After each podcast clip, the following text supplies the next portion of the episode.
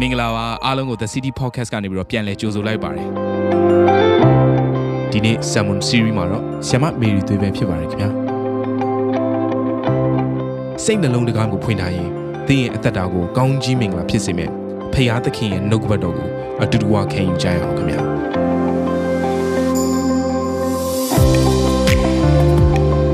အွန်လိုင်းကနေတဆင့်ယနေ့ရက်ဝေးမှာကြည့်ရှုနေကြတဲ့ယုံကြည်သူတယောက်စတိုင်းကိုမင်္ဂလာပါလို့နှုတ်ခွန်းဆက်သလိုက်ပါတယ်။မိသားစုများအတွက်ဒီနေ့မှာနှုတ်ကွက်တော်ကိုယူဆောင်လာပါတယ်။ဒီနေ့နှုတ်ကွက်တော်ရဲ့ကောင်းစဉ်ကထာဝရဘုရားကိုကိုးစားပါ။ဒီနှုတ်ကွက်တော်လေးကိုမသွားခင်မှာ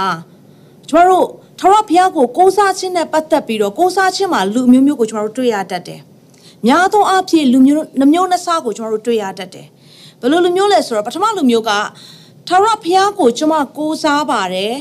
ထာဝရဘုရားကိုပဲကျမကအာမျော်လင့်ပါတယ်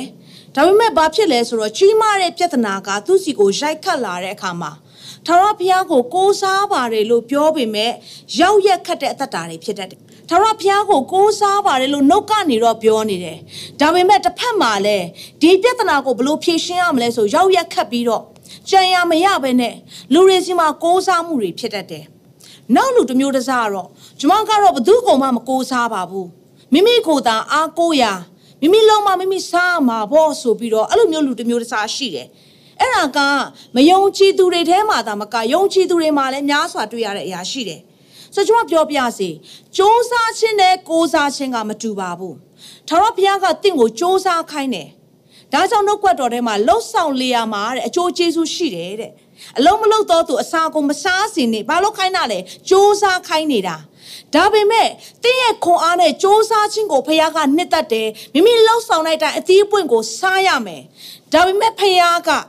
တင်စ조사ပါတယ်ဒါပေမဲ့ကိုးစားခြင်းကကြတော့တင်ဘသူ့ပေါ်မှာရက်တည်နေတယ်ဆိုတာအရင်ရေးကြည့်ပါတယ်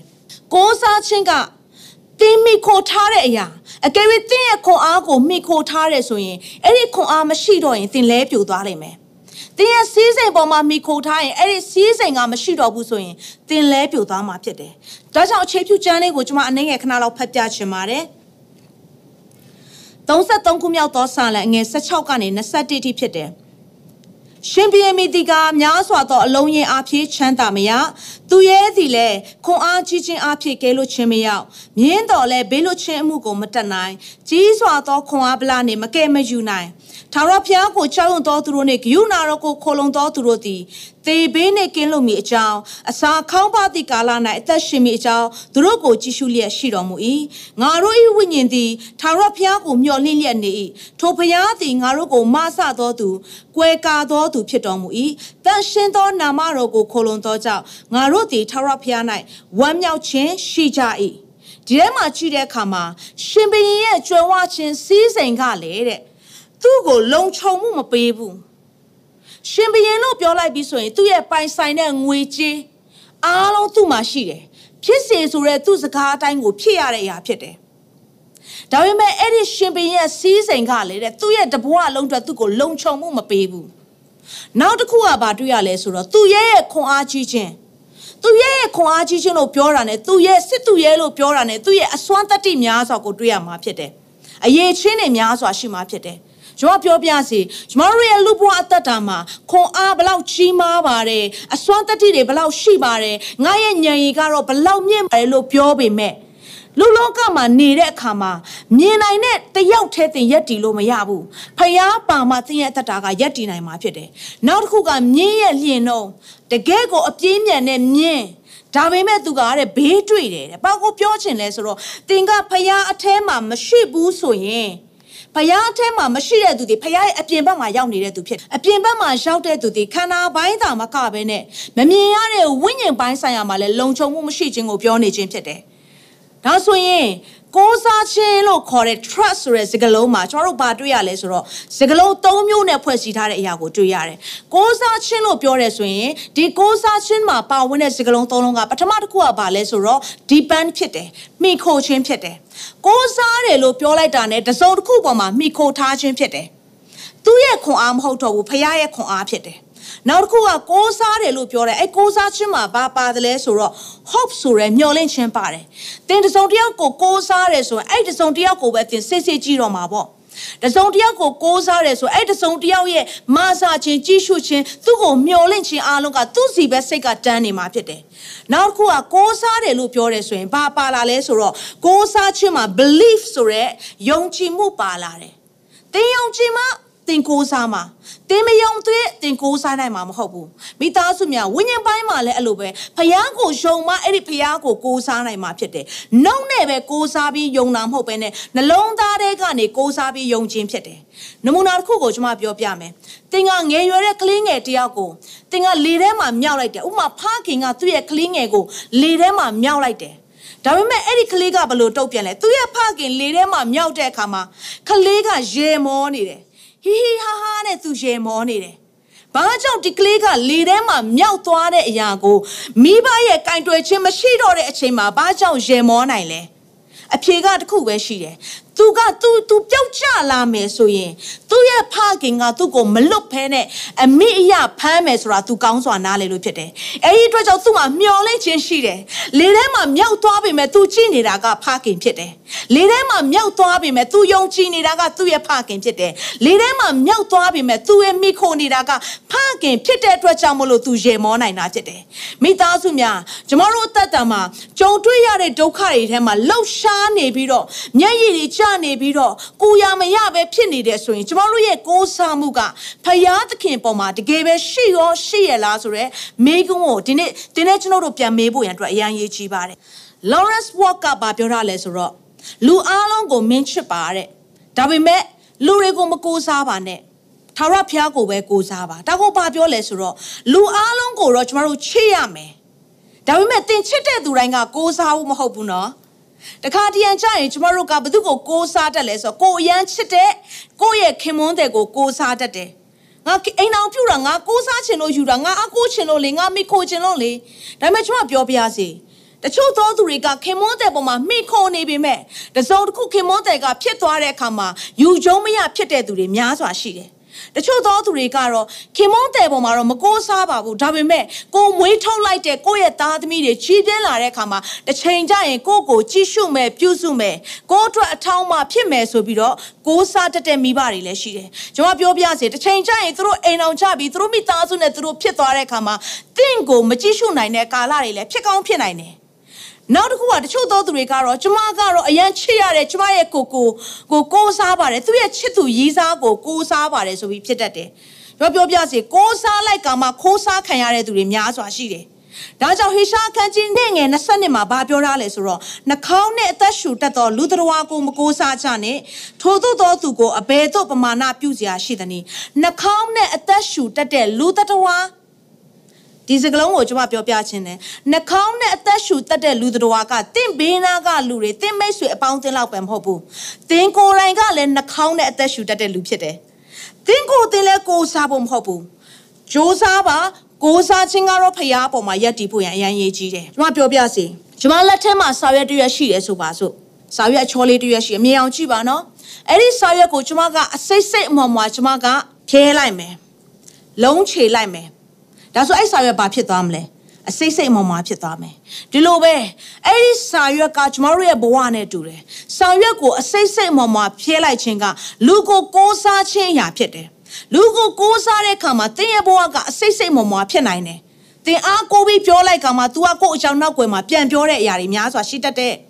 အစိတ်စိတ်မော်မော်ဖြစ်တယ်လို့ပဲကျမတို့ဘဝကပျက်စီးနိုင်တယ်။ဒါပေမဲ့အပျက်စီးသွားတဲ့အရာကိုလူကိုကိုးစားလိုက်တယ်ဆိုရင်တင်ဘလောက်ပဲပြန်ဆက်ဆက်အဲ့ဒါကဒဏ်ရာများစွာကြံနေမှာဖြစ်တယ်။ အဲ့ဒီလူကြောင့်တင်နာကျင်ရတဲ့အရာတွေတနှုံနှုံတင်ဖြစ်နေမှာဖြစ်တယ်။နှုတ်ကွက်တော်ထဲမှာကျမတို့အတူတကွကြည့်ရအောင်။ဖယားကိုကိုးစားခြင်းနဲ့ဖယားကိုမကိုးစားခြင်းအသက်တာထဲမှာလူတယောက်ရဲ့ဘဝအသက်တာထဲမှာဘလို့ဖြစ်ရမျိုးကိုခြားနာမှုဖြစ်သွားလဲဆိုတဲ့အရာကိုအတူတကွကျမတို့လေ့လာကြည့်ကြရအောင်။ဓမ္မရာဆိုရင်သရုတ်တာဆောင်ခန်းကြီး78ငယ်1ကနေ2ကိုခဏလောက်ဖတ်ပြချင်ပါတယ်။ ဣသရေလရှင်ဘုရင်အေလာသားဟောရှေနန်းဆန်၃နှစ်တွင်ယူရရှင်ဘုရင်အာခတ်သားဟေစကိသည်အသက်25နှစ်ရှိသောနန်းထိုင်၍ယေရုရှလင်မြို့၌29နှစ်ဆိုးဆန်လေ၏မေရောကာဇာခရစ်မီအာဘိအမည်ရှိ၏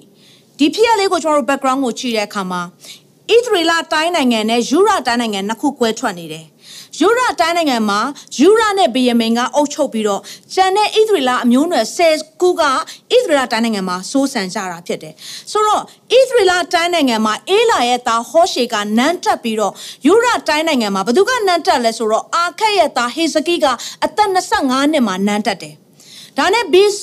915မှာဘာဖြစ်လဲဆိုတော့အဲ့ဒီကာလမှာအာရှုရိ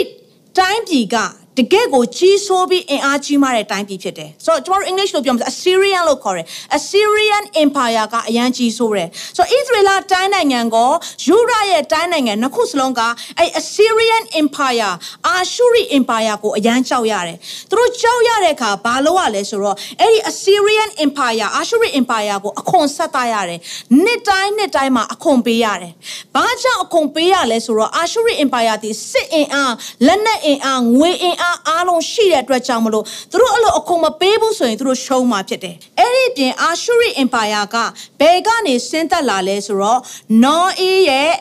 တာရှေမမျိုးနွယ်ကနေဆင်းသက်လာတဲ့မျိုးနွယ်လည်းဖြစ်တယ်။ဆိုတော့အာရှုရိအင်ပါယာကိုအခွန်ပေးရတယ်နိုင်ငံတွေနဲ့ချိမယ်ဆိုရင်ကြောက်ရွံ့ပြီးအခွန်ပေးနေရတယ်ဆိုကြတဲ့နိုင်ငံတီ weak ဖြစ်နေတယ်အားနည်းနေတဲ့အတွက်ဖြစ်တယ်။နလန်မထူနိုင်လို့ဖြစ်တယ်။နိုင်ငံကကြောက်ရွံ့တော်လုံးမှုတွေများနေလို့ဖြစ်တယ်။နိုင်ငံမှာစီးပွားရေးလူမှုရေးအားလုံးချွတ်ချုံကျနေလို့ဖြစ်တယ်။အဲ့ဒီလိုဖြစ်နေတဲ့အချိန်မှာ ဒီဟေဇကိကနန်းတက်လာရတယ်သူ့အဖေအာခက်ရဲ့နေရာကိုယူလာရတယ်ဒါဆိုဟေဇကိချိလိုက်တဲ့အခါမှာတိုင်းပြည်ကအင်အားရစရာတကယ်ကိုအားရစရာတစုံတစ်ခုမှလုံးဝမရှိဘူးဒါဆိုရင်တိုင်းပြည်ကလည်းအားရစရာမရှိသလိုသူ့ရဲ့မိသားစုဘက်မှာဟေဇကိအားရစရာရှိလားဆိုတော့သူ့ရဲ့မျိုးနွယ်ကိုပြန်ကြည့်တဲ့အခါမှာရာဇဝင်ချုပ်ဒုတိယဆောင်ခန်းကြီး28ငယ်19မှာဘာရေးထားတယ်လဲဆိုတော့ ယူရရှင်ပြန်အခက်ကြောင့်ထာဝရဘုရားသည်ယူရပြည်ကိုအလွန်နှိမ့်ချ၏ထိုမင်းသည်ယူရပြည်အဝတ်တစားကိုချွတ်၍ထာဝရဘုရားကိုကြမ်းတမ်းစွာပြစ်မှား၏ဒီထဲမှာကြည့်တဲ့အခါမှာသူ့ရဲ့ဖခင်ဖြစ်တဲ့အာခက်ကတဲ့ယူရပြည်ရဲ့အဝတ်ကိုချွတ်တယ်တဲ့မိသားစုများအဲ့ဒါဘာကိုပြောလဲဆိုတော့ယူရပြည်ရဲ့အဝတ်ကိုချွတ်တယ်ဆိုတာအဆက်ကွဲခြင်းအသေးမဲ့ခြင်းလျက်ပေါ်ခြင်း ပြေတစားဖြစ်ခြင်းကိုပြောခြင်းဖြစ်တယ်။ English မှာဆိုရင်အဝတ်ကိုတဲ့ယူရပြည်ရဲ့အဝတ်ကတစ်စက်မှလုံးဝမရှိတော့ဘူးတဲ့။ယူရပြည်ရဲ့အဝတ်ကလုံးဝမရှိတော့ဘူးတဲ့။ဆိုယူရပြည်တစ်ခုလုံးကအဆက်တိတ်ခါမဲ့စွာနဲ့ဖျားအရှိမဖြစ်နေတာကိုပြောခြင်းဖြစ်တယ်။အဲ့ဒီပြင်ပါလဲဆိုထာဝရဘုရားကိုရှမ်းတန်းစွာပြစ်မှားတယ်တဲ့။ဝေါအဲ့စကလုံးကိုကျွန်မကြည့်တဲ့အခါမှာ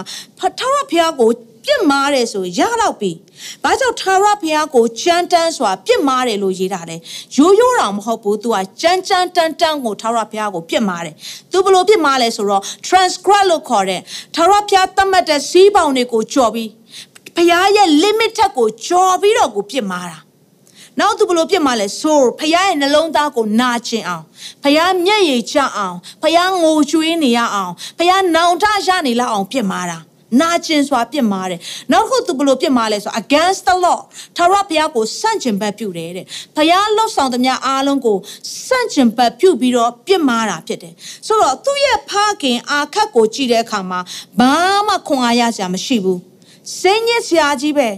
ဟေကျွန်တော်မြင်အောင်လေဟေစကိကသူ့ရဲ့တိုင်းပြည်ကိုကြည့်တော့လဲအားရစရာတခုမှမရှိတဲ့ပြင်အမင်္ဂလာဖြစ်နေတဲ့တိုင်းပြည်သူ့ရဲ့ ဖခင်ကိုသူ့ရဲ့ဆွေစဉ်မျိုးဆက်ကိုချီတော့လဲအားရစရာတခုမှမရှိဘူးဘလောက်တောင်အားရစရာမရှိလဲဆိုရင်ဟေဇကိရဲ့ဖခင်ကအာခက်ကလေသားသမီးကိုမီးနဲ့ပူဇော်တယ်ရုပ်တုအတူကသားသမီးကိုမီးနဲ့ပူဇော်တယ်စဉ်းစားကြည့်ပါဦးဘယ်ဖခင်မှကိုယ့်ရဲ့သားသမီးကိုမီးနဲ့ပူဇော်မှာမဟုတ်ဘူးမီးနဲ့ပူဇော်ရဲဆိုတာရရဆက်ဆက်ဖခင်ဖြစ်လို့ပဲသားသမီးကိုမီးနဲ့ပူဇော်တဲ့ဖခင်ဖြစ်တယ်အဲ့ဒီအပြင်သူ့ရဲ့အဖိုးဖြစ်တဲ့ ယောသန်အာခက်ရဲ့အဖေဟေဇကိရဲ့အဖိုးယောသန်ကလည်းဖျားစကားကိုနားမထောင်ယောသန်ရဲ့အဖေကအောဇိအောဇိကလည်းဖျားစကားနားမထောင်တဲ့အတွက်နူနာဆွဲတဲ့အထိဖျားကတန်းခတ်တဲ့သူဖြစ်တယ်။အောဇိရဲ့အဖေအာမစိကလည်းဖျားစကားကိုနားမထောင်ကျွန်တော်ဒီဖြစ်ကိုကြည့်တဲ့အခါမှာအာဆွေစဉ်မျိုးဆက်လုံးကဖျားစကားကိုနားမထောင်တဲ့သူတွေပဲ။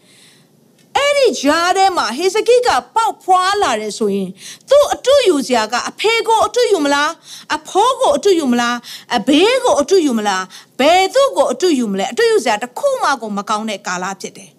ဒဒါပေမဲ့ဟေဇကိကနန်းတော်ကသူ့စီကိုရောက်လာတယ်ဒီမိသားစုတစ်ခုလုံးရဲ့တာဝန်ကိုထမ်းရတော့မဲ့အခါမှာဟေဇကိဘလို့ဆုံးဖြတ်လဲဆိုတဲ့အရာကိုကျွန်တော်တို့ကြည့်ရအောင်ဓမ္မရာစပင်စရုဒ္ဒဆောင်အခန်းကြီး18အငယ်9မှာဆိုရင်ဣသရေလအမျိုး၏ဖျားသခင်ထာဝရဘုရားကိုထုံမင်းခိုလုံတကဲ့သို့သူ့နောက်မှာခိုလုံသောယူရရှင်ပြန်တယောက်မှမရှိရှေးကာလ၌လည်းမရှိဒီထဲမှာကြည့်တဲ့အခါမှာသူကထာဝရဘုရားကိုခိုလုံတဲ့မင်းဖြစ်တယ်တဲ့ သူ့ရှိမှာခိုလုံတဲ့သူမရှိဘူးရှေးကာလမှာသူ့ရဲ့နောက်မှာလည်းခိုလုံတဲ့သူမရှိဘူးယူဒရှင်ဘုရင်တော်ထဲမှာကျွန်မပြောပြစေယူဒမင်းနေထဲမှာဟေဇကိလောက်ထာဝရဘုရားကိုကိုးစားတဲ့သူခိုလုံတဲ့သူကသူ့ရဲ့အရှိမှာလည်းမရှိဘူးသူရဲ့နောက်မှာလည်းမရှိဘူးဟေဇကိဒီထာဝရဘုရားကိုခိုလုံတော်မင်းဖြစ်တယ်ထာဝရဘုရားကိုကိုးစားတော်မင်းဖြစ်တယ်သူ့ရဲ့လက်ထက်မှာသူဆုံးဖြတ်တယ်ငါမိမ ငါဘိုးဘေးတွေအစဉ်အဆက်ကဒီအမင်္ဂလာကိုကျူးလွန်ခဲ့တယ်ငါကကျူးလွန်မှာလားငါကလှုပ်ဆောင်မှာလားသူဘလို့ဆုံးဖြတ်လဲဆိုတဲ့အရာကအရန်ရေးကြီးခဲ့တယ်။နေကျမတို့မိသားစုများကျမခွန်အားပေးခြင်းနဲ့တင်းရဲ့မိသားစုတင်းရဲ့မိခင်ဖခင်က separate အနေနဲ့ divorce အနေနဲ့ကွဲနေတယ်ဆိုရင်တင်စိတ်တမချပါနဲ့ဟေဇကိကဒီအချိန်တွေကနေဖျားကိုရွေးချယ်ပွင့်ရအတွက်ဆုံးဖြတ်ချက်ချခဲ့တယ်။ သူရဲ့နိုင်ငံအခြေအနေမကောင်းတာကိုလည်းသူဂရုမစိုက်ဘူးသူရဲ့မိသားစု background မကောင်းတာကိုလည်းဂရုမစိုက်ဘူးသူဘသူ့ပေါ်မှာယက်တည်နေလဲသူဘသူ့ပေါ်မှာကိုးစားနေလဲဆိုတဲ့အရာကိုပဲသူကကြီးခဲ့တာဖြစ်တယ်ဒါနဲ့အဲ့လိုလုပ်တဲ့အတွက်ကြောင့်ဟေဇကိအငယ်သုံးမှာဘာတွေ့ရလဲဆိုတော့ဟေဇကိကတဲ့အဘဒါဝိတ်ကျင့်သမျှအတိုင်းသူကပြုတ်တဲ့သူဖြစ်တယ်တဲ့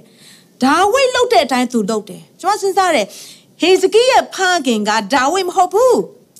လူအနေနဲ့ကြည့်ပါဟေဇကိရဲ့ဖခင်ကအာခတ်ဖြစ်တယ်ဒါပေမဲ့နှုတ်ကွက်တော်ထဲမှာဘလို့မှတ်တမ်းတင်လဲဆိုတော့ဟေဇကိရဲ့ဖခင်ကိုအဘဒါဝိတ်တဲ့အဲ့ဒါကဘာကိုပြောလဲဆိုတော့ဝိညာဉ်ပိုင်းဆိုင်ရာမှာပြောခြင်းဖြစ်တယ်ဝိညာဉ်သဘောအရသင်္ကာထာဝရဘုရားရဲ့နောက်ကိုလိုက်တယ်ဆိုရင်အဘဒါဝိလိုက်တော်လမ်းမှာသင်္ကာလိုက်တယ်ဆိုပြီးဘုရားကမှတ်တမ်းတင်ထားမှာဖြစ်တယ်။ဒါကြောင့်ယောရှိမှာလဲလဝဲဘက်သို့မလွယ်လက်ရဘက်သို့မတိမ်မရိမ့်မဲ့နဲ့အဘဒါဝိလိုက်တော်လမ်းသို့ယောရှိကလိုက်တတ်တယ်။ ဒါဆိုရင်ထာဝရဘုရားရဲ့နောက်ကိုလိုက်တဲ့သူတိုင်းရဲ့အသက်တာထဲမှာအဘဒါဝိဒ်နောက်ကိုကျင့်သမျှအတိုင်းပြုတဲ့သူဆိုတဲ့ဘုရားရဲ့မတန်ထဲမှာသင်ပါဝင်မှာဖြစ်တယ်။ဒါကြောင့်သင်ကဘုရားရဲ့နောက်ကိုလိုက်တဲ့အခါမှာဘုရားကတင့်ကိုကောင်းချီးပေးခြင်းနဲ့ဘလို့ကောင်းချီးပေးလဲဆိုတော့ဟေဇကိကအဲ့ဒီကောင်းချီးမင်္ဂလာကိုလိုချင်လို့သူလိုက်ခဲ့တာမဟုတ်ဘူးထာဝရဘုရားနဲ့သူမှန်ကန်ခြင်းလို့လိုက်ခဲ့တယ်သူဘလို့တွေလောက်ဆောင်ခဲ့လဲဆိုတော့ဟေဇကိကမြင့်သောအရက်တွေကိုတောင်ကုန်းတွေကိုဖြိုးရဲတဲ့ ဒီယာကဘာကိုပြောချင်လဲဆိုတော့အဲ့ဒီခေတ်ကာလမှာဣသရေလလူတွေကနေရာမြင့်သွားတဲ့တောင်ကုန်းတွေတွေ့မယ်ဆိုရင်အဲ့ဒီမှာမှားယွင်းတဲ့ကိုးကွယ်မှုတွေသူတို့အားလုံးကိုလှုပ်ဆောင်ခဲ့တာဖြစ်တယ်ပြီးတော့ခါမှာသူတို့ကဘာလုပ်လဲဆိုတော့ရုပ်တုစင်တုတွေကိုးကွယ်တယ်တကယ်အာရှရပင်တွေကိုခုတ်တဲ့ဟေဇကိက အပင်ခုတ်တယ်ဆိုတော့တချို့ကမကြိုက်ဘူးဒါပေမဲ့အာရှရပင်ကကြတော့ရုပ်တုနဲ့သက်ဆိုင်တဲ့ကိုးကွယ်မှုမှာလှုပ်ဆောင်တဲ့အပင်တွေဖြစ်တယ်အဲ့ဒီအပင်တွေအားလုံးကိုဟေဇကိကဖယ်လိုက်တယ်။ဘာကြောင့်လဲဆိုတော့မာရွေးနဲ့ကိုးကွယ်မှုမဖြစ်အောင်ဟေဇကိလှုပ်ဆောင်တာဖြစ်တယ်။အဲ့ဒီအပြင်ဘာထက်ဖြစ်လဲဆိုတော့ဣသရေလလူတွေကမောရှေလက်ထက်မှာဘုရားစကားကိုနားမထောင်တဲ့အခါမှာမြင်းမွေဆေလွတ်လိုက်တဲ့အခါမှာမောရှေကကြေးဝါမွေရုပ်ကိုလှုပ်ပြီးတော့လူတွေကအဲ့ဒီကြေးဝါမွေရုပ်ကိုချိတဲ့အခါမှာအသက်ချမ်းသာရာရခဲ့တယ်။ဒါနဲ့ မောရှေရဲ့နောက်ပိုင်းမှာဣသရေလလူတွေကဘာလှုပ်ဆောင်လဲဆိုတော့အဲ့ဒီမွေရုပ်ကြေးဝါမွေရုပ်ကိုနဟုတ်တန်လို့အမိပေးပြီးတော့နန့်တာပေါင်းပူဇော်ပြီးတော့နှစ်ပေါင်း900တိတိကိုးခွေခဲ့တာဖြစ်တယ်။ဒါပေမဲ့အခုဟေစကီလက်ထက်ရောက်လာပြီ။ဟေစကိကဘာလုပ်လဲထာဝရဘုရားကလွယ်ပြီးအခြားသောဘုရားကိုမကိုးကွယ်ရဘူးဆိုပြီးတော့အဲ့ဒီအရာကိုအပိုင်းပိုင်းသူခုတ်ဖြတ်လိုက်တယ် ဒါကဘာလို့ပြောလဲဆိုဝိညာဉ်ရနယ်ပယ်မှာဟေစကိကထာဝရဘုရားကိုပဲရွေးချယ်မယ်ဆိုတဲ့သဘောကိုပြောခြင်းလည်းဖြစ်တယ်အဲ့ဒီပြင်ဟေစကိကထာဝရဘုရားကိုကိုးစားတဲ့မင်းဖြစ်တဲ့အပြင်မောရှေရဲ့ပြည့်တိကျမ်းဆယ်ချမ်းကိုလည်းသူကလိုက်လျှောက်တဲ့သူလည်းဖြစ်တယ် ဆိုတော့ထာဝရဘုရားကိုခိုလုံတဲ့အခါမှာဟေဇကိဘလို့ကောင်းကြီးမင်္ဂလာခံစားရတယ်လဲဆိုတဲ့အရာကိုကျွန်တော်တို့အငယ်9နဲ့10မှာတစ်ချက်လောက်အတူတကွာကြည့်ရအောင်ထာဝရဘုရားသည်သူနှင့်အတူရှိတော်မူသည်ဖြစ်သူသည်ပြုလေရရာ၌အောင်လေ၏အာရှုရိရှင်ဘုရင်၏ဂျုံမခံပုံကန်လေ၏ဒီထဲမှာဘာတွေ့ရလဲဆိုတော့အာရှုရိရှင်ဘုရင်ရဲ့ဂျုံကိုမခံဘူးပုံကန်တယ်ပုံကန်တယ်ဆိုတာဟေဇကိကအင်အားရှိလို့ပုံကန်တာမဟုတ်ဘူး ဟေဇကိကဘာကြောင့်ပုံကန်လဲဆိုတဲ့အရာကိုကျွန်မပြောပြချင်တယ်သူတို့ကအာရှုရိတိုင်းပြည်ကိုအမြဲတမ်းအခွန်ဆက်သားရတယ်အာရှုရိတိုင်းပြည်အာရှုရိဆိုတဲ့နာမည်စကားလုံးရဲ့နောက်ွယ်မှာဘာရှိလဲဆိုတော့အေရှတ်မှာရှေးအခါမှာအာရှုရိကိုဘယ်လိုခေါ်လဲဆိုတော့ Adda Nirari လို့ခေါ်တယ် N I R A R I Nirari Adda Nirari ဆိုတဲ့စကားလုံးဖြစ်တယ်အာရှုရိရဲ့သူရဲ့ Asian name မှာ Adda ဆိုတဲ့အတိတ်ပဲကနတ်ဖျားတစ်ပါးရဲ့နာမည်ဖြစ်တယ်နီရာရီရဲ့အထိပ္ပယ်က helper ကူညီတဲ့သူဖြစ်တယ် Adder နီရာရီဆိုတဲ့အရာကဘာအထိပ္ပယ်လဲဆိုတော့ Adder is my helper တဲ့အဲ့ဒီနတ်ဖျားငါတို့ကိုးကွယ်တဲ့နတ်ဖျားကတဲ့ငါတို့ကိုကဲတင်တဲ့နတ်ဖျားတစ်ပါးကငါတို့ကိုကဲတင်တယ်ဆိုတဲ့အဓိပ္ပာယ်ဖြစ်တယ်ဆိုတော့ဟေဇကိကသူ့ရဲ့ဖခင်အာခတ်မှာအခွန်ဆက်တသူ၍အဲ့ဒီ Adder ကိုသူကကိုးကွယ်နေတာဖြစ်တယ်ဒါပေမဲ့ဟေဇကိရဲ့လက်ထဲမှာ သူရောက်လာတဲ့အခါမှာအက်တာကိုငါမကိုးကွယ်တော့ဘူးတနည်းအားဖြင့်အက်တာကိုငါအခွန်မဆက်တော့ဘူးငါဖះကိုပဲမိခုံမယ်ငါဖះကိုပဲကိုးစားမယ်တခါတည်းကျမတို့တက်တာမှာလေဖះကိုလည်းအားကိုးတယ်တစ်ဖက်မှာလည်းစုပ်ကင်ထားတယ်မိစားတစ်ဖက်ရင်မုံတစ်ဖက်ဖြစ်တတ်တယ်အဲ့នេះဟေဇကိကတော့ငါဖះကိုပဲကိုးစားမယ်ဆိုတဲ့အခါမှာ तू ကြောင်းရုံရမယ် तू မိခိုထားတဲ့ဘိုးဘေးအစင်ဆက်မိခိုထားတဲ့အရာတွေအားလုံးကို तू ဖြတ်တောက်လိုက်တယ်အဲ့ဒီလိုဖြတ်တောက်လိုက်တဲ့အခါမှာဘာဖြစ်လဲဆိုတော့ အငယ်ရှစ်မှာဖိလိတိလူတို့ကိုတိုက်၍ဂါဆမြို့နယ်တိုင်အောင်ခိုင်ခတ်သောမြို့နယ်များကိုကင်းဆောက်သောမျော်စင်များကိုလှုပ်ချန်လေ၏ဆိုတော့သူကဂါဆမြို့တိုင်အောင်နဲ့အဲ့ဒီຢာကဘယ်အထိလဲဆိုတော့နိုင်ငံရဲ့အောက်ပိုင်းတာမကအဲ့ဒီနိုင်ငံရဲ့ဒီယူရပြည်ရဲ့တောင်ပိုင်းအထိမြို့တွေကိုလည်းပြန်ပြီးတော့ဟေဇကိကတိုက်ယူတာဖြစ်တယ်။သူတိုက်တဲ့အခါမှာလည်းဖခင်ကအောင်မြင်ခြင်းပေးတယ်။ဘာကြောင့်အောင်မြင်ခြင်းပေးလဲ ဟေဇကိတီထာဝရဘုရားကိုတရားရာဂိုင်နှုန်းအပြည့်အဝကိုးစားတယ်ဆိုတာဘုရားကမြင်တွေ့လို့ပဲဖြစ်တယ်။အဲ့ဒီလိုဟေဇကိကိုးစားတဲ့အခါမှာ तू ဘလောက်ထိတောင်နိုင်ခဲ့လဲဆိုတော့ယခင်ကသူ့ရဲ့ဖခင်အာခက်လက်ထက်မှာအာရှုရိတိုင်းပြည်ကတင်းခဲ့တဲ့နယ်မြေတွေများစွာရှိတယ်။ယူရာပြည်ထိ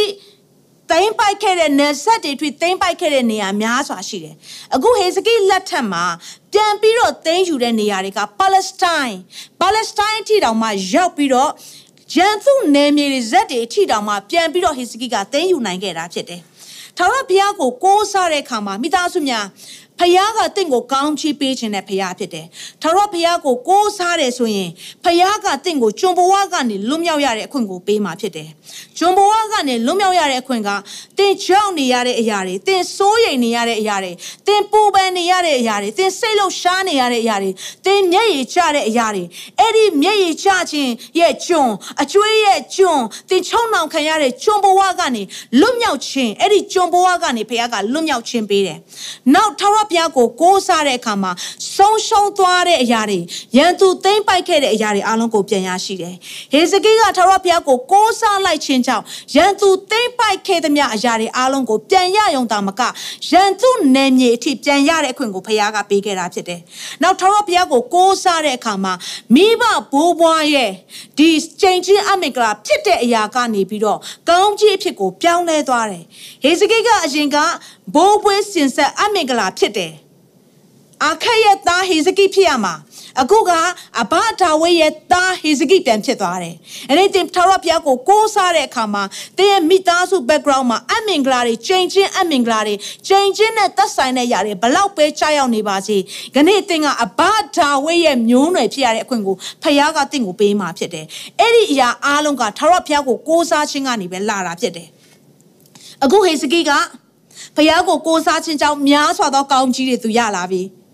အရင်ကသူနာမည်မရှိဘူးဟေဇကိဆိုတာဘယ်သူမှမသိဘူးအခုဟေဇကိဆိုတာဘယ်သူလဲဆိုတော့အဲ့ဒီတိုင်းပြည်အသီးသီးကမြင်တွေ့ရတဲ့အရာကိုတွေ့ရပြီ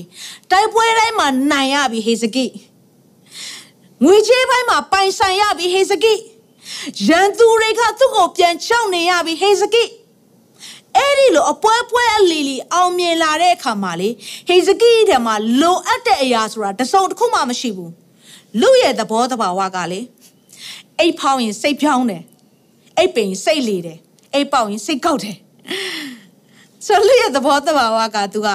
အခြေအနေတွေကအရင်အခြေအနေနဲ့မတူတော့ဘူးဆိုရင်စိတ်နေသဘောထားတွေကပြောင်းလဲလာတယ်ဒါနဲ့ဖျားခင်ကဟေစကိကိုကြည့်တယ်ဟေစကိမင်းငါအပေါ်မှာရောတကယ် ကိုးစားခြင်းရှိသေးရဲ့လားအရင်လိုရှိသေးရဲ့လားမင်းရဲ့ကိုးစားခြင်းကဘု து အပေါ်မှာရောက်နေလဲဟေစကိဖျားကအရန်စိတ်ဝင်စားတယ်ဖျားကလေသင်ရဲ့နှလုံးကိုစစ်ဆေးတဲ့ဖခင်နှလုံးခတ်သိမ်းအရာအားလုံးစိတ်နှလုံးသားကိုစစ်ဆေးပြီးတော့သင်ရဲ့နှလုံးကိုချိန်တွယ်တဲ့ဖခင်ဖခင်ကသင်ရဲ့နှလုံးသားတွေငါစီမှာရောက်နေလားသို့မဟုတ်တခြားပေါ်မှာရှိနေလားဆိုတာအမြဲတမ်းနှလုံးကြောက်ကပ်ကိုစစ်ဆေးတဲ့ဖခင်ကယနေ့ကျမတို့တယောက်စီတိုင်းကိုလည်းစစ်ဆေးတယ်အဲ့ဒီလိုပဲဟေဇကိကိုလည်းစစ်ဆေးတယ် ထာဝရဘုရားကစစ်ဆေးတဲ့အခါမှာဘာကိုတွေ့လဲဆိုတော့ရာဇဝင်ကျုံဒုတိယဆောင်အခန်းကြီး32အငယ်25မှာဘာတွေ့ရလဲဆိုတော့ခဏလောက်ဖတ်ပြချင်ပါတယ်တို့ရတွင်ဟေစကိသည်မိမိခံရသောဂျေဇုတော်နှင့်အထိုက်လျောက်မခြင်းထောင်လွှားသောစိတ်ရှိ၏ထို့ကြောင့်သူ၌၎င်းယူရပြည်နှင့်ယေရုရှလင်မြို့၌၎င်းအမျက်တော်ထွက်လေ၏ဖခင်ရဲ့နီလန်းကလေကျမတို့ရဲ့နှလုံးသားကိုစစ်ဆေးတယ်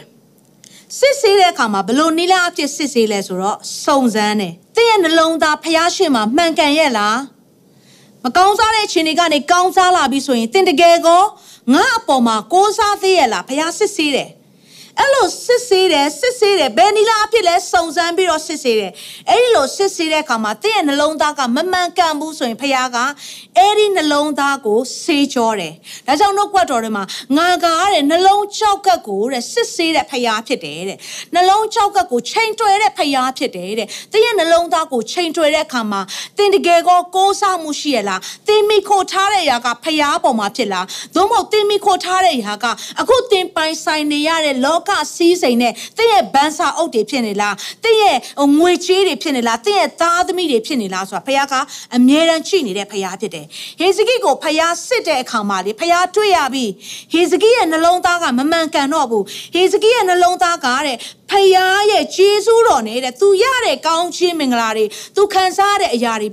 ရှိနေပေမဲ့ဖခင်ရဲ့ဂျေဇုတော်နဲ့သူကအထိုက်လျောက်မချင့်ဘူးတဲ့ ဆိုလိုရင်းကဖယားသူ့ကိုလှုပ်ဆောင်ခဲ့ပြီးပြီမဲ့အဲ့ဒီအရာပေါ်မှာပဲသူကကျဉ်နဲ့နေတော့တယ်အဲ့ဒီအရာပေါ်မှာပဲသူကမာနထောင်လွှားတယ်အဲ့ဒီအရာပေါ်ပဲစိတ်နေသဘောထားမြင့်ပြီးတော့သူရှိနေတာဖြစ်တယ်ဖယားကလေကျမတို့ကိုစစ်ဆေးတဲ့အခါမှာကျမတို့နဲ့နာမည်နဲ့အလျောက်ဖယားကစစ်ဆေးတတ်ပါတယ်ဟေဇကိကခိုလုံသောမင်းဆိုတော့ငါအပေါ်မှာတကယ်ကိုခိုလုံလားအင်္ဂလိပ်မှာဆို threat ဆိုတော့ကိုးစားရလားဖယားကစစ်ဆေးတယ်အာဗြဟံကိုကြည့် အာဗြဟံကယုံကြည်ခြင်းရဲ့ဖခင်မင်းရဲ့သားကိုတကယ်ပူဇော်ရဲလားမင်းယုံကြည်ခြင်းဘယ်လောက်ရှိလဲအဲ့ဒါနဲ့စစ်ဆေးခဲ့တယ်နော်အေမင်းဖြောင်းမတော်သူဆိုဒီဖြောင်းမခြင်းအပြင်မရက်တည်နိုင်လားသူ့ကိုစစ်ဆေးတဲ့အခါကြာရှုံးသွားတဲ့အရာတွေရှိတယ်ဘုရားကရှောလမုန်ကိုမင်းဉာဏ်ပညာရှိတယ်ဒါပေမဲ့ရှောလမုန်ကလေသူ့ရဲ့ဉာဏ်ပညာကသူ့ရဲ့အိမ်တွင်းကိစ္စတော့မဖြေရှင်းနိုင်တဲ့အထိဖြစ်သွားတယ် ဆိုကျမတို့ကိုဖခင်ကစစ်ဆေးတဲ့အခါမှာကျမတို့ရဲ့နာမည်နဲ့တကွဖခင်ကစစ်ဆေးတယ်အဲ့ဒီပြင်ဖခင်ကကျမတို့ရဲ့နှုတ်ထွက်စကားအဖြစ်လည်းဖခင်ကစစ်ဆေးတတ်တယ်တခါတည်းကျရင်ကျမကကျမတို့ကကိုရောကိုအရန်ချစ်ပါတယ်ကိုရောရဲ့ဘုရားကအခြေအနေအားလုံးကိုပေးတွေ့လိုက်တယ်ဒါပေမဲ့ဘာမှမရှိတော့ဘူးအဲ့ဒီဘာမှမရှိခြင်းထဲမှာကောတကယ်ချက်နိုင်ရလား။ အိုကိုရောနဲ့အခြားသောຢာတွေမလဲနိုင်ဘူး။တကယ်မလဲနိုင်တာလားဖခင်ကစစ်ဆေးပြီး။အဲ့ဒီလိုစစ်ဆေးတဲ့အခါမှာကျမတို့နှလုံးသားတွေဒီဖခင်သခင်အပေါ်မှာကိုးစားခြင်းနဲ့ယက်တီတက်ဖို့ရန်အတွက်အရန်ရေးကြီးတာဖြစ်တယ်။ဟေဇကိကိုကိုစစ်ဆေးလိုက်ပြီး။ဒါပေမဲ့ဟေဇကိရဲ့စစ်ဆေးလိုက်တဲ့အခါမှာဟေဇကိရဲ့နှလုံးသားကဖခင်အပေါ်မှာယက်တီထားခြင်းမဟုတ်ဘဲနဲ့ကိုးစားခြင်းမဟုတ်ဘဲနဲ့ဟေဇကိရဲ့နှလုံးသားကသူ့ပိုင်ဆိုင်တဲ့အရာတွေပေါ်မှာရောက်နေတယ်။ နေကျွန်မပြောပြစီသင်ပိုင်ဆိုင်တဲ့အရာပေါ်မှာသင်နှလုံးသားရောက်ရှိနေတယ်ဆိုရင်သင်ရဲ့ကိုးစားခြင်းကလည်းအဲ့ဒီပိုင်ဆိုင်မှုပေါ်မှာပဲရှိနေမှာဖြစ်တယ်။ဟေဇကိရဲ့နှလုံးသားကဖျားပေါ်မှာမရှိတော့တဲ့အခါမှာဖျားပေါ်မှာကိုးစားခြင်းရော့သွားတာနဲ့ဘလို့အခြေအနေတွေဖြစ်လဲဆိုတဲ့အရာကိုကျွန်တော်တို့ဆက်ပြီးတော့ကြည့်ရအောင်ဓမ္မရာဆိုရင်သရုတ်ဒဆောင်အခန်းကြီး78အငယ်73ကနေ16ကိုခဏလောက်ဖတ်ပြချင်ပါတယ်။ ဟေဇကိမင်းကြီးနန်းဆန်14နှစ်တွင် အာရှုရိရှင်ပြည်တနာခရိတ်သည်ယူရပြည်၌ခိုင်ခန့်သောမြို့ရှိသမျှတို့ကိုစစ်ချီ၍လှုပ်ကြံလေ၏ယူရရှင်ပြည်ဟေဇကိသည်အာရှုရိရှင်ပြည်ရှိရာလာခိရှမြို့သို့ဆေလွ၍အကျွန်ုပ်မှားပါပြီပြန်သွားတော်မူပါကိုရောတင်သမျှကိုထမ်းပါမည်ဟုရှောက်ဆိုသောအာရှုရိရှင်ပြည်သည်ယူရရှင်ပြည်ဟေဇကိ၌ငွေအခွက်3000ရွှေအခွက်300ကိုတောင်း၏ဟေဇကိသည်ဗိမာန်တော်၌၎င်းနန်းတော်ဗန္နာတိုက်၌၎င်းတွေးသမျှသောငွေကိုပေး၏ဗိမာန်တော်တကားတစားများကိုရိုင်းရှင်မုံမှန်သောတိုင်တစားများကိုလည်းချွတ်၍အာရှုရိရှင်ဘရင်အားပေး၏ဒီထဲမှာကြည့်တဲ့အခါမှာဟေဇကိရဲ့နှလုံးသားကဘုရားသခင်ပေါ်ကနေဖောက်ပြန်သွားတာနဲ့ကိုးစားမှုကဘုရားပေါ်မှာမရှိတော့တာနဲ့ဟေဇကိကြုံတွေ့ရတဲ့အရာက၄ခုကိုကြုံတွေ့ရတယ်ဟေဇကိဘလို့မာရွံ့စွာဆုံးပြတ်ခဲ့လဲဆိုတော့ပထမတစ်ချက်ကဘာဖြစ်လဲဆိုတော့ဟေဇကိကကျွန်တော်မားပါပြီတဲ့စဉ်းစားကြည့်ပါ ရန်သူကိုကျွန်တော်မှားပါပြီဆိုပြီးဟေဇကိပြန်တောင်းပန်တာဒါဆိုရင်ကျွန်တော်မားပါပြီဆိုတဲ့စကားကရန်သူကိုသွားပြောတယ်ကျွန်တော်မြင်အောင်ကြည့်တယ်ဖခင်ရဲ့ဘက်ကနေချိလိုက်မယ်ဆိုဟေစကိမင်းငါနောက်လိုက်ခဲ့တာကမှားတာလားမင်းငါနောက်လိုက်ခဲ့တဲ့အရာကမင်းမားတဲ့အရာဖြစ်နေလားဖခင်ဝမ်းထဲမှာပဲအခုဟေစကိကတောင်းပန်ရမှာကလေအမှန်တကယ်တောင်းပန်ရမှာဖခင်ကိုတောင်းပန်ရမှာ ကိုရောကြီးကျွန်တော်မားပါပြီကျွန်တော်ထောင်လွှားမိပါတယ်ကျွန်တော်မာနကြီးမိပါတယ်ဆိုပြီးဟေစကိကဖခင်ကိုတောင်းပန်ရမှာအခုသူတောင်းပန်ရမှာကျွန်တော်မားပါပြီဆိုတဲ့ຢာကရန်သူဖြစ်နေတယ်တခါတည်းကျရင်ကျမတို့အသက်တာမှာလေကျမတို့ရွေးချယ်လိုက်တဲ့အရာကျမတို့ဆုံးဖြတ်လိုက်တဲ့အရာကျွန်တော်တို့မှားပါပြီဆိုတဲ့အရာကဖယားစီမှာမဟုတ်ဘဲနဲ့ရန်သူစီမှာသွားပြီးတော့ဖြစ်တတ်တယ်လူတွေစီမှာသွားပြီးတော့ဖြစ်တတ်တယ်ဒီအတွက်ကြောင့်ကျမတို့အရန်တတိထားဖို့ရန်အတွက်လိုအပ်တယ် မိသားစုများဖယားနောက်ကိုလိုက်တာကဘယ်တော့မှမမာဘူးဖယားနောက်ကိုလိုက်ခြင်းကဘယ်တော့မှနောင်တမရဘူးဒါကြောင့်ရှာဒရက်မေရှက်အပီဂျနေကောကငါဒီဖယားကိုပဲကိုးကွယ်မယ် ငါတို့ကိုမီးဖို့တဲ့ခြိုင်ချပါဒါပေမဲ့မီးဖို့တဲ့ရောက်ခဲ့ရင်လည်းငါတို့သေသွားရှင်တောင်မှအဲ့ဒီဖယားကိုငါတို့မစွန့်လွတ်ဘူးဒီဖယားကိုပဲကိုးကွယ်မယ်ဆိုပြီးဆုံးဖြတ်ခဲ့တာဖြစ်တယ်အခုဟေစကိဖယားကိုပဲဆုံးဖြတ်မယ်ရွေးချယ်မယ်လို့မဟုတ်ဘဲနဲ့ကျွန်တော်မားပါပြီတဲ့ရန်သူကိုသွားပြောတယ်ဒုတိယတစ်ချက်အနေနဲ့ဟေစကိဘာမှားလဲဆိုတော့ကိုတော်တင်သမျှကိုထမ်းပါမယ်တဲ့ စဉ်းစားကြည့်ပါနော်မနတ်တင်သမျှရန်သူတင်သမျှကိုတင်ထမ်းမယ်ဆိုရင်တင်လဲပြိုဖို့ပဲဖြစ်တယ်တင်ဆုံးရှုံးဖို့ပဲဖြစ်တယ်မနတ်ကတင်ကိုခိုးဖို့တတ်ဖို့ဖျက်ဆီးဖို့ပဲပေးတာလေအခုမနတ်တင်သမျှကိုသူကထမ်းတော့မယ်ဆိုတဲ့အရာကဝိညာဉ်ပိုင်းဆံမှာကျမတို့ရဲ့ကြုံဘဝကိုပြန်သွားတော့မယ်ဆိုတဲ့အရာပဲဖြစ်တယ်အဲ့အတာနီရာရီဆိုတဲ့အရာကအဲ့ဒီနတ်ဖရားရဲ့တင်သမျှအရာအားလုံးကိုတဲ့သူထမ်းပါမယ်ဆိုတဲ့အရာဖြစ်နေတယ် နှုတ်ကပတ်တော်ထဲမှာငါတို့ဒီအသွေးသားရှိသောရန်သူတို့နှင့်ဆိုင်ပြိုင်တက်လန်ရကြသည်မဟုတ်အထွတ်မြတ်တို့နှင့်၎င်းအာနာဆက်တို့နှင့်၎င်းလောကီမောင်မနဲ့အစိုးတရားပြုသောမင်းတို့နှင့်၎င်းဆိုင်ပြိုင်တက်လန်ရကြတယ်ကျမတို့တိုက်နေတဲ့သူကအသွေးသားရှိတဲ့ရန်သူမဟုတ်တဲ့အတွက်ကြောင့်မလို့ကျမတို့တိုက်နေတာကဝိညာဉ်ပိုင်းဆိုင်ရာမှာဖြစ်တဲ့အတွက်ကြောင့်မလို့သင်ကမာနကိုတိုက်ရမှာအခုဟေဇကိကဘာလုပ်လဲဆိုတော့တင်သမျှဝန်တွေကိုထမ်းမယ်ဆိုတဲ့အရာဖြစ်နေတယ် အဲ့ဒီပြင်ဟေဇကိဘာမှားယွင်းခဲ့လဲဆိုတော့သူကဘာပြောဘာလုပ်ခဲ့လဲဆိုတော့ဗိမာန်တော်တဲ့ငွေတွေနန်းတော်မှာရှိတဲ့ငွေတွေအားလုံးကိုသူတွေးရှိသမျှကိုအားလုံးပေးလိုက်တယ်တဲ့အော်ဟေဇကိပေးလိုက်တယ်ပေါ့ငွေအခွက်3000ရွှေခွက်300အော်ဒီလောက်ပဲလို့ကျမတို့ကထင်တတ်တယ်တကယ်တကယ်ကျွန်မပြန်ကြည့်တဲ့အခါမှာအဲ့ဒီငွေတန်ဖိုးရဲ့ပြန်ပြနှုံဟေစကိဘလောက်တောင်ပေးလိုက်လဲဆိုတော့ပြန်ပြနှုံကိုကျွန်မပြောပြစီငွေခွက်300က အဲ့ဒီ300ရဲ့တန်ဖိုးကအခုခေတ်နဲ့ဆိုရင်ပြန်မြဘယ်လောက်ရှိလဲဆိုတော့ဒေါ်လာ9,9600ရှိတယ်ရွှေခွက်300က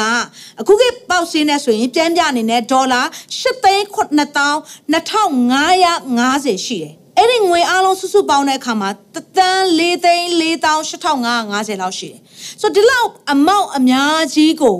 ဟေဇကိကရန်သူလက်ထဲကိုထည့်ပေးလိုက်တာဖြစ်တယ်ဟေဇကိ မာဘီယေမာဘီယေမာဘီယေမာဘီဇတိုက်မာတွေဖြစ်နေတယ်အဲ့ဒီပြင်ဟေဇကိဘာလုပ်လဲဆိုတော့ဗိမာန်တော်မှာရှိတဲ့ရွှေနဲ့လုပ်တဲ့တစားတွေအားလုံးကိုအဲ့ဒီရွှေတွေအားလုံးကိုချွတ်ပြီးတော့ရန်သူကိုပေးလိုက်တယ်ကျွန်မပြောပြစီဟေဇကိကလေသူယူရပြည်ကိုနန်းထိုင်တဲ့အခါမှာယူရပြည်ကိုနန်းထိုင်တဲ့ပထမနှစ်ပထမလနန်းဆန်မှာအရင်ဦးဆုံးနန်းထိုင်တဲ့အခါမှာဟေဇကိကသူ့အရင်ဆုံးလုပ်ခဲ့တာက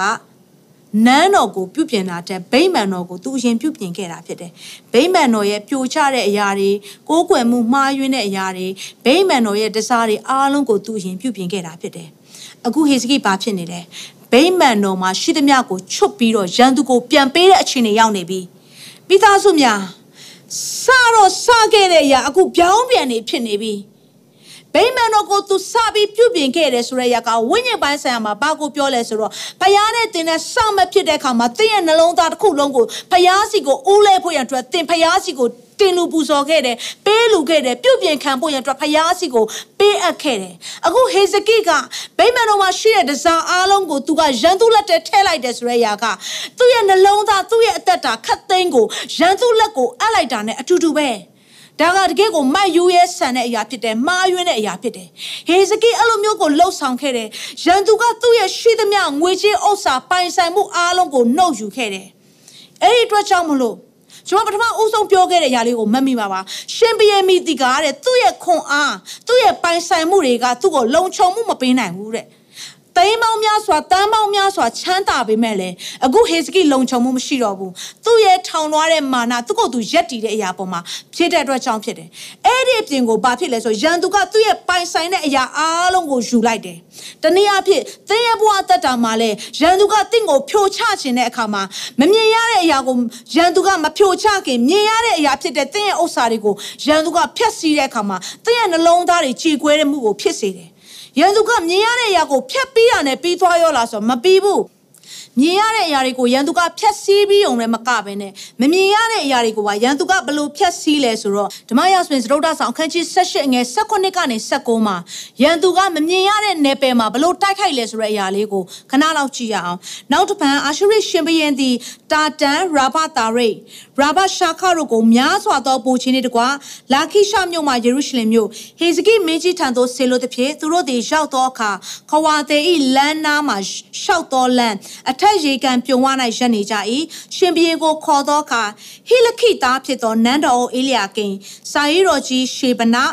အာတတ်သားအတွင်းဝယောအာတို့သည်သူတို့ထံသို့ထွက်ပြီးလင်ရာဘရှာခက မဟာအရှင်မင်းကြီးအာရှုရိရှင်ဘုရင်သည်ဟေစကိကိုမိန်တော်မူသည်ကတင်ခိုးလုံးတစ်ဖြစ်ခိုးလုံးရကအပေတို့နီဒီထဲမှာရှိတဲ့အခါမှာရန်သူကပထမတစ်ခေါက်မှာနန်းတော်မှာရှိသမျှမြင်ရတဲ့ဥစ္စာတွေကိုသိမ်းပိုက်ပြီးသွားပြီးသိမ်းယူပြီးသွားတာ ਨੇ မချေနှက်သေးဘူးကြွပြောပြစေရန်သူကအမှန်တကယ်သူကတိုက်ခိုက်ချင်တာတင့်ရဲ့မြင်ရတဲ့အရာတွေမဟုတ်ဘူးနော်တင့်ရဲ့မမြင်ရတဲ့ဝိညာဉ်နှလုံးသားတစ်ခုလုံးကိုသူကဖြိုချချင်နေတာ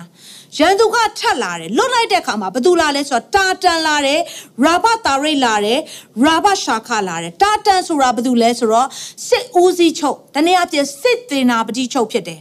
နောက်တစ်ခုကရာဘတာရိတ်ကဘသူလဲဆိုတော့မျိုးနွယ်တစ်ခုလုံးရဲ့ခေါင်းဆောင်ဖြစ်တယ်အဲ့ဒီအပြင်ရာဘရှာခက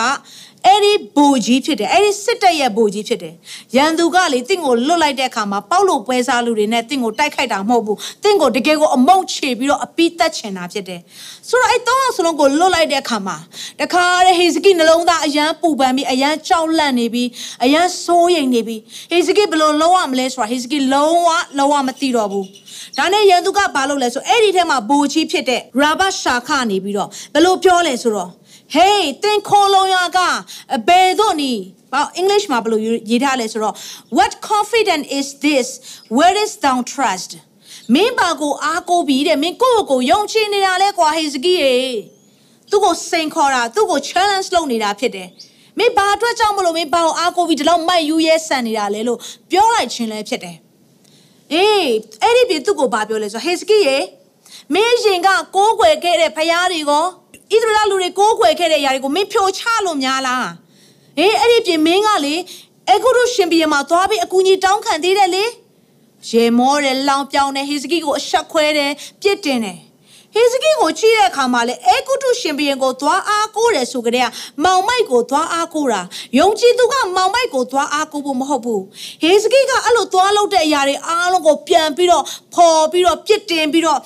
ဒုက္ခရအောင်ပြောပြီးတော့သူ့ကိုအမျိုးမျိုးရှုံချတယ်မင်းစစ်နိုင်တယ်ဆိုအခုအမင်းစစ်နိုင်သေးရလားဟေဇကိရေဟေဇကိရဲ့နှလုံးသားတွေခြေကွဲပြီးဘလောင်ဆူနေပြီ तू ဘယ်လိုလုပ်ရမလဲဆိုတော့ तू မသိတော့ဘူး နန်းတော်အထိလာပြီးတော့အိုးဟေဇကိတို့နေရာအထိလာပြီးတော့အပြစ်တင်ရှုံချတယ်အဲ့ဒီပြင်ဟေဇကိနဲ့ယူဒလူတွေကြားထဲမှာယေရုရှလင်မြို့သားတွေကြားထဲမှာဘလို့သွေးခွဲအောင်လုပ်လဲဆိုတော့ဟေးမင်းတို့ဒီရှင်ဘီရင်ဖြစ်တဲ့ဟေဇကိကိုသွားအားကိုးမနေနဲ့ မင်းတို့ငါတို့နဲ့လာမိတ်တာအဖွဲ့ပါငါတို့နဲ့လာပူးပေါင်းပါမင်းတို့လိုချင်တဲ့စံစပါစီရင်အိုးဥယျာဉ်ချမ်းမြေကအစအားလုံးကိုငါတို့ပေးမယ်မင်းတို့တဲ့ guarantee ပေးတာနဲ့အတူတူပဲစိတ်ချမှုကိုပေးမယ်မင်းတို့ဘဝအာမခံချက်ကိုပေးမယ်ငါတို့စီလာခဲ့ပါဟေးစကိနဲ့သွားမပူးပေါင်းနဲ့ငါတို့မင်းတို့ကိုတကယ်ကြည့်ရှုခြင်းနဲ့စာနာတယ်ဆိုပြီးတော့ ဟေဇကိကိုဒီဘက်မှာအဆက်ခွဲပြီးပြစ်တင်ယုံတာမကဘဲနဲ့တစ်ဖက်မှာလည်းယေရုရှလင်မြို့သားတွေကြားထဲမှာဟေဇကိနဲ့နားလည်မှုလွဲအောင် အမျိုးမျိုးရန်သူကိုယ်တိုင်ကငိုယိုပြီးတော့တကယ်ကိုကျင်နာတနာတက်တဲ့နှလုံးသားပိုင်ရှင်ပုံစံနဲ့သွေးခွဲတာဖြစ်တယ်ဟေဇကိအဲ့ဖြစ်ကိုချိပြီးတော့ဟေဇကိကပိုးပြီးတော့ငိုကြွေရတယ်သွားပြီသွားပြီ ငါမှဘာမှမရှိတော့ဘူးငါပိုင်ဆိုင်တဲ့ຢာတွေအားလုံးကလည်းကုန်သွားပြီငါပိုင်ဆိုင်တဲ့ຢာတွေအားလုံးကလည်းလုံးဝမရှိတော့ဘူးငါမိကိုထားတဲ့ငါရဲ့ပစ္စည်းဥစ္စာတွေလည်းလုံးဝမရှိတော့ဘူးငါမိကိုထားတဲ့ငါကိုငါအားကိုထားတဲ့အရာတွေလည်းလုံးဝမရှိတော့ဘူးမိသားစုများ ငါကငါပဲအားကိုးမယ်ငါကငါခွန်အားနဲ့ပဲငါလှုပ်ဆောင်မယ်အိုးငါရဲ့ညံရင်နဲ့ငါရက်တီမယ်ငါဘယ်သူမှအားမကိုးပါဘူးအားကိုးတဲ့သူတွေကပြင်းရပါတယ်ဆိုပြီးပြောတဲ့သူများကျွန်မပြောပြစီအခုဟေဇကိသူ့ရဲ့အစွမ်းတတ္တိအားဖြင့်ကိုးစားခဲ့သမျှအရာတွေအားလုံးကတုံညဖြစ်သွားတယ်မိသားစုများရန်သူကတင့်ကိုမမြင်ရတဲ့နယ်ပယ်ကနေတိုက်တဲ့အတွက်ကြောင့်မလို့တင့်ရဲ့ခွန်အားအသွေးသားနဲ့သွားပြီးရက်တီလို့မရဘူးဝိညာဉ်မှာဥဆောင်နေတဲ့ဖျားကိုပဲရက်တီရမှာဖြစ်တယ် ဒါနဲ့ဟေဇကိအယံငိုချွေးတယ်တခါတည်းသူ့ရဲ့ရှင်ဘရင်အဝတ်စားကိုသူချွတ်ပြီးတော့ရှော့တီအဝတ်ကိုဝတ်တယ်အရင်ကတည်းကရှော့တေဝတ်ကိုဝတ်တယ်ဆိုတာဘာကိုပြောလဲဆိုတော့နှိတ်ချခြင်းကိုပြောတယ်နှိတ်ချခြင်းအိုးဘာမှမရှိခြင်းမြေမုတ်လိုပဲကျွန်တော်ဘဝအသက်တာကဖြစ်နေပါပြီလို့ကိုစားပြုတယ်ဝမ်းနဲ့ချေကွဲခြင်းကိုကိုစားပြုတယ်ရှော့တေဝတ်ကိုဝတ်ခြင်းကဟေဇကိကရှော့တေဝတ်ကိုဝတ်ပြီးတော့သူနောင်တရတဲ့နှလုံးသားနဲ့ တခါတည်းသူဗိမာန်တော်ကိုသူပြန်သွားတယ်ဗိမာန်တော်ကိုပြန်သွားပြီးတော့ဘုရားသခင်ရှေ့မှာသူဒူးထောက်ပြီးသူဆုတောင်းတယ်။အော်သူနှလုံးသားတွေအယမ်းခြေကွဲနေပါပြီဆိုတဲ့သူ့ရဲ့ခံစားချက်တွေကိုသူဘုရားကိုရင်ဖွင့်ပြတယ်။မိသားစုများဒီထဲမှာဘာကိုတွေ့ရလဲဆိုတော့ဟေဇကိရှင်ဘုရင်ဖြစ်လာတဲ့အချိန်မှာသူအရင်ဆုံးပြုပြင်ခဲ့တာဗိမာန်တော်သူအရင်ဆုံးအာယုံဆိုင်ခဲ့တာဗိမာန်တော်သူအရင်ဆုံးတွေးခဲ့တာဖခင်ရဲ့မျက်မှောက်တော်ဒါပေမဲ့အခုဟေဇကိတခုမှမရှိတော့တဲ့အခါမှာသူသိသွားပြီ။ ငါလာရမယ့်သူကလူရိစီမဟုတ်ဘူးငါလာရမယ့်သူကရန်သူကိုလည်းမိခိုးဖို့မဟုတ်ဘူးငါလာရမယ့်သူကနှာခေါင်းနဲ့အသက်ရှူတတ်တဲ့သူလည်းမဟုတ်ဘူးငါကိုးစားရမယ့်သူငါသွားရမယ့်သူကဖယားစီပဲဖြစ်တယ်ငါရဲ့ကိုးစားတဲ့အရှင်ကဖယားပဲဖြစ်တယ်ဆိုပြီးဗိမာန်တော်ကိုပြန်လာခဲ့တယ်ရခင်ကဖယားစီကိုသွားခဲ့တဲ့နေရာအဲ့ဒီဗိမာန်တော်ကနေခွာထွက်ပြီးတော့ဗိမာန်တော်ကိုဖျက်ဆီးတဲ့အခြေအနေကနေအခုဟေဇကိကနောင်တနဲ့ရှော့တေဝတ်ကိုဝတ်ပြီးတော့ဗိမာန်တော်ကိုပြန်လာတဲ့အခြေအနေကိုဖြစ်ခဲ့တယ်အဲ့ဒီလိုနောင်တနဲ့ပြန်လာတဲ့အခါမှာဟေဇကိကဘသူစီကိုစာရေးလဲဆိုတော့ prophet ဟေရှာစီကိုစာရေးတယ်။တားဖွာရမယ့်အမျိုးသမီးကတဲ့တားမဖွာနိုင်တဲ့အခါမှာနာကျင်ခြင်းကြောင့်ငိုနေရတယ်လို့ပဲတဲ့။အခုငါငိုချွေးနေရပါပြီတဲ့။ဖခင်ရဲ့ဆုံးမခြင်းနဲ့ကဲ့ရဲ့ခြင်းကိုငါခံနေရပါပြီဆိုပြီး prophet ဟေရှာယစီကိုသူစာရေးတယ်။ဒါနဲ့ရန်သူကဘာထက်ဖြစ်လဲဆိုတော့တတရတစ်ချိန်ထက်လာတယ် ကျွန်တော်ပြောပြစီရန်သူကတင့်စီကိုတစ်ခေါက်လာတယ်ဆိုယုံနဲ့ပြီးသွားတာမဟုတ်ဘူးနော်ရန်သူကတင့်စီကိုလာပြီးရင်ဆက်လာအောင်မှာဘယ်အချိန်ထိလာမလဲဆိုတော့တင်ဝင်ပေါက်ပေးနေတဲ့ရွေးအထိဆက်လာအောင်မှာဖြစ်တယ် မြင်ရတဲ့အရာတွေကိုပဲရန်သူကဖျက်ဆီးနေတာမဟုတ်ဘူးမမြင်ရတဲ့တိဝိညာဉ်တစ်ခုလုံးကိုဆုံးရှုံးဖို့ရန်အတွက်ရန်သူကဖျက်ဆီးခြင်းတာဖြစ်တယ်မြင်ရတဲ့အရာတွေကိုဖျက်ဆီးခြင်းအပြင်တင်းနှလုံးသားတွေခြေခွဲမယ်တင်းစိတ်ပိုင်းဆိုင်ရာခံစားရမယ်အဲ့ဒီခါမှာမမြင်ရတဲ့အရာတွေကိုဖျက်ဆီးလိုက်တဲ့အခါမှာတင်းတစ်ခုလုံးဖျားစီကနေနောက်ပြန်လဲတဲ့အခြေအနေထိဖြစ်အောင်ရန်သူကလှုပ်ဆောင်တာဖြစ်တယ်တတိယတစ်ချိန်ရန်သူကထက်လာတဲ့အခါမှာချင်းချောက်စာရောက်လာတဲ့အခါမှာဟေဇကိကဘာလုပ်လဲဆိုတော့အဲ့ဒီစာကိုသူကင်ပြီးတော့ပ ထမဦးဆုံးအရင်ကဟေဇကိကအာရှုရိရှင်ဘုရင်ကိုသွားပြီးဖြည့်ရှင်းပြီးတော့ကိုရောတင်သည်များထမ်းပါမယ်။အိုးကျွန်တော်မားပါပြီလို့သွားတောင်းပန်တဲ့ဟေဇကိဗိမာန်တော်အရာမှာရှိသမျှအရာတွေကိုချွတ်ပြီးပေးတဲ့ဟေဇကိကဒီအချိန်မှာ तू မပြောတော့ဘူးဟေဇကိက तू နှုတ်ပိတ်လိုက်တယ်။ तू နှုတ်ပိတ်ပြီးတော့ဟေဇကိကဘာလုပ်လဲဆိုတော့အဲ့ဒီဖျားကိုပြစ်တင်တဲ့စာ ချင်းချောက်တဲ့စာဝေဖန်တဲ့စာကဲ့ရဲ့တဲ့စာကိုသူယူလာခဲ့တယ်ဘယ်အထိယူလာခဲ့လဲဆိုတော့ဖခင်ရဲ့ဗိမာန်တော်ထဲကိုယူလာပြီးတော့အဲ့ဒီဖခင်ရဲ့မျက်မှောက်တော်ထဲမှာဟေဇကိကဒီစာကိုသူဖွင့်ထားလိုက်တယ်ကိုရောမြင်တယ်နော်ကိုရောတွေ့ပါတယ်ဒီဟာကကျွန်တော်ကိုပြောခြင်းမဟုတ်ဘူးကိုရောကိုပြောခြင်းဖြစ်တယ်ဒီထဲမှာထူးခြားချက်ကပါလဲဆိုတော့ယခင်ကဟေဇကိကဖခင်အပေါ်မှာကိုးစားခြင်းမဟုတ်တဲ့အခါမှာ ရန်သူပြစ်သမျှအရာအားလုံးကိုသူခံနေရတာဒါပေမဲ့အခုကဟေဇကိကဖျားအထဲမှာသူရောက်သွားပြီဖျားအထဲမှာသူ့ကိုဝတ်ထားပြီဖျားအထဲမှာသူကိုးစားတဲ့အခါမှာရန်သူပြစ်သမျှအရာအားလုံးဒီဟေဇကိကိုပြစ်ခြင်းမဟုတ်တော့ဘူးကာထားတဲ့ကိုးစားပြီးလွှမ်းခြုံထားတဲ့တကယ်ကိုဖုံးအုပ်ထားတဲ့ဖျားကိုရန်သူကပြစ်တင်ခြင်းဖြစ်သွားပြီ prophet ဟေရှာအဖြစ်ဖျားစကားကဘလို့တက်ရောက်လာလဲဆိုတော့ Hezki မင်းကိုဖြစ်နေတဲ့အရာတွေအားလုံးကိုငါတွေ့တယ်ဒီအရာကမင်းကိုပြောနေတာမဟုတ်ဘူးငါ့ကိုပြောနေခြင်းဖြစ်တယ်။ရန်သူကမင်းကိုတိုက်ခိုက်တာမဟုတ်ဘူးငါ့ကိုတိုက်ခိုက်ခြင်းဖြစ်တယ်။ဒါကြောင့်အဲ့ဒီအာရှုရိရှင်ဘီရဲ့နှလုံးသားသူ့ရဲ့စိတ်သဘောကိုငါပြောင်းပေးမယ်။ ငါနေလန်းအဖြစ်ငါလှုပ်ဆောင်ပေးမယ်ငါတာဝန်ယူမယ်ဆိုပြီးတော့ဖခင်ကစကားပြောလာတယ်မိသားစုများဟေဇကိရဲ့နှလုံးသားခြေကွဲစွာနဲ့ဖခင်ရှိကိုပြန်လာတဲ့အခါမှာသူ့ရဲ့ကိုးစားမှုကပြောင်းသွားတဲ့အခါမှာဖခင်အပေါ်မှာပဲပြန်လဲပြီးဖြစ်တည်လာတဲ့အခါမှာဖခင်ကအဲ့ဒီအရာခတ်သိမ်းအားလုံးကိုတာဝန်ယူပေးတဲ့ဖခင်ဖြစ်တယ်ဘာကြောင့်လဲဆိုတော့ဟေဇကိရဲ့နှလုံးသားခြေကွဲစွာနဲ့ဖခင်အပေါ်မှာပြန်ကိုးစားတတ်လို့ပဲဖြစ်တယ်ဒါကြောင့်34ခုမြောက်သောစာလံအငယ်16မှာဆိုရင်ထာဝရဘုရားသည်ကြိုးပဲ့သောစိတ်ရှိသောသူတို့နှင့်နှလုံးချေကွဲသောသူတို့ကိုနီးတော်မူ၏နောင်တရှိ၍စိတ်နှိတ်ချသောသူတို့ကိုလည်းကဲ့တင်တော်မူ၏အဲ့ဒီနှလုံးသားချေကွဲတဲ့အရာအလုံးကိုဖခင်ကလက်ခံတာဖြစ်တယ်ဒါနဲ့ဖခင်နီလန်းကဘလို့လုပ်လဲဆိုတော့ကိုရုမင်းကြီးအားဖြင့်အာရှုရိတိုင်းပြည်ကိုလာစစ်တိုက်တယ်ဖယားရဲ့နီလန်ကအရန်လွယ်တယ်နော်တညထဲမှာပင်နေကောင်းဝိတမန်တပားပဲစီလို့လိုက်တာလူ38500ကလေတညထဲမှာချက်ချင်းသေးသွားတယ်အင်္ဂလိပ်မှာဘယ်လိုရေးထားလဲဆို smoke လို့ရေးထားတယ်အဲ့ဒါကရိုက်ပုတ်လိုက်တာတဲ့ ကောင်းကင်တမန်ကဘာမှတော့မတိုက်ရသေးဘူးနော်ရိုက်ပုတ်လိုက်တာနဲ့တသိန်း8500ကသေသွားတယ်ဝေါအဲ့ဒီဖယားကဒီနေ့ကျမတို့ဘက်မှာရှိတဲ့ဖယားဖြစ်တယ်။အဲ့ဒီအပြင်ကိုအာရှုရိရှင်ဘရင်ကိုဖယားကဘလို့နီလာအဖြစ်လှုပ်ဆောင်လဲဆိုတော့သူ့ရဲ့သားတွေကသူ့ကိုပြန်တက်ပြီးတော့တေဆုံးသွားတဲ့အထိ ဒီဘက်ကယူရဘယင်ကဘာမှတော့မလုပ်ရဟိစကိကဘာမှတော့မလုပ်လိုက်ရသေးဘူးဘာမှတော့မပင်ပန်းလိုက်ရဘူးဖခင်ကသူ့နေသူ့ဟန်နဲ့ရန်သူ့ရဲ့လက်နဲ့နဲ့ရန်သူ့ကိုပြန်ပြီးတော့ပဲကြဆုံးစေခဲ့တယ်ဒါကြောင့်ကျွန်တော်တို့နှုတ်ခွက်တော်ထဲမှာကြည့်တဲ့အခါမှာလဲဂေါလိယက်က ဓားကိုယူလာတယ်စိန်ခေါ်တယ်ဣသရေလလူတွေကိုဒါပေမဲ့သူယူလာတဲ့ဓားသူပြင်ဆင်လာတဲ့ဓားဒီဓားနဲ့ကျုံးဝါခဲ့တဲ့အရာတွေအားလုံးက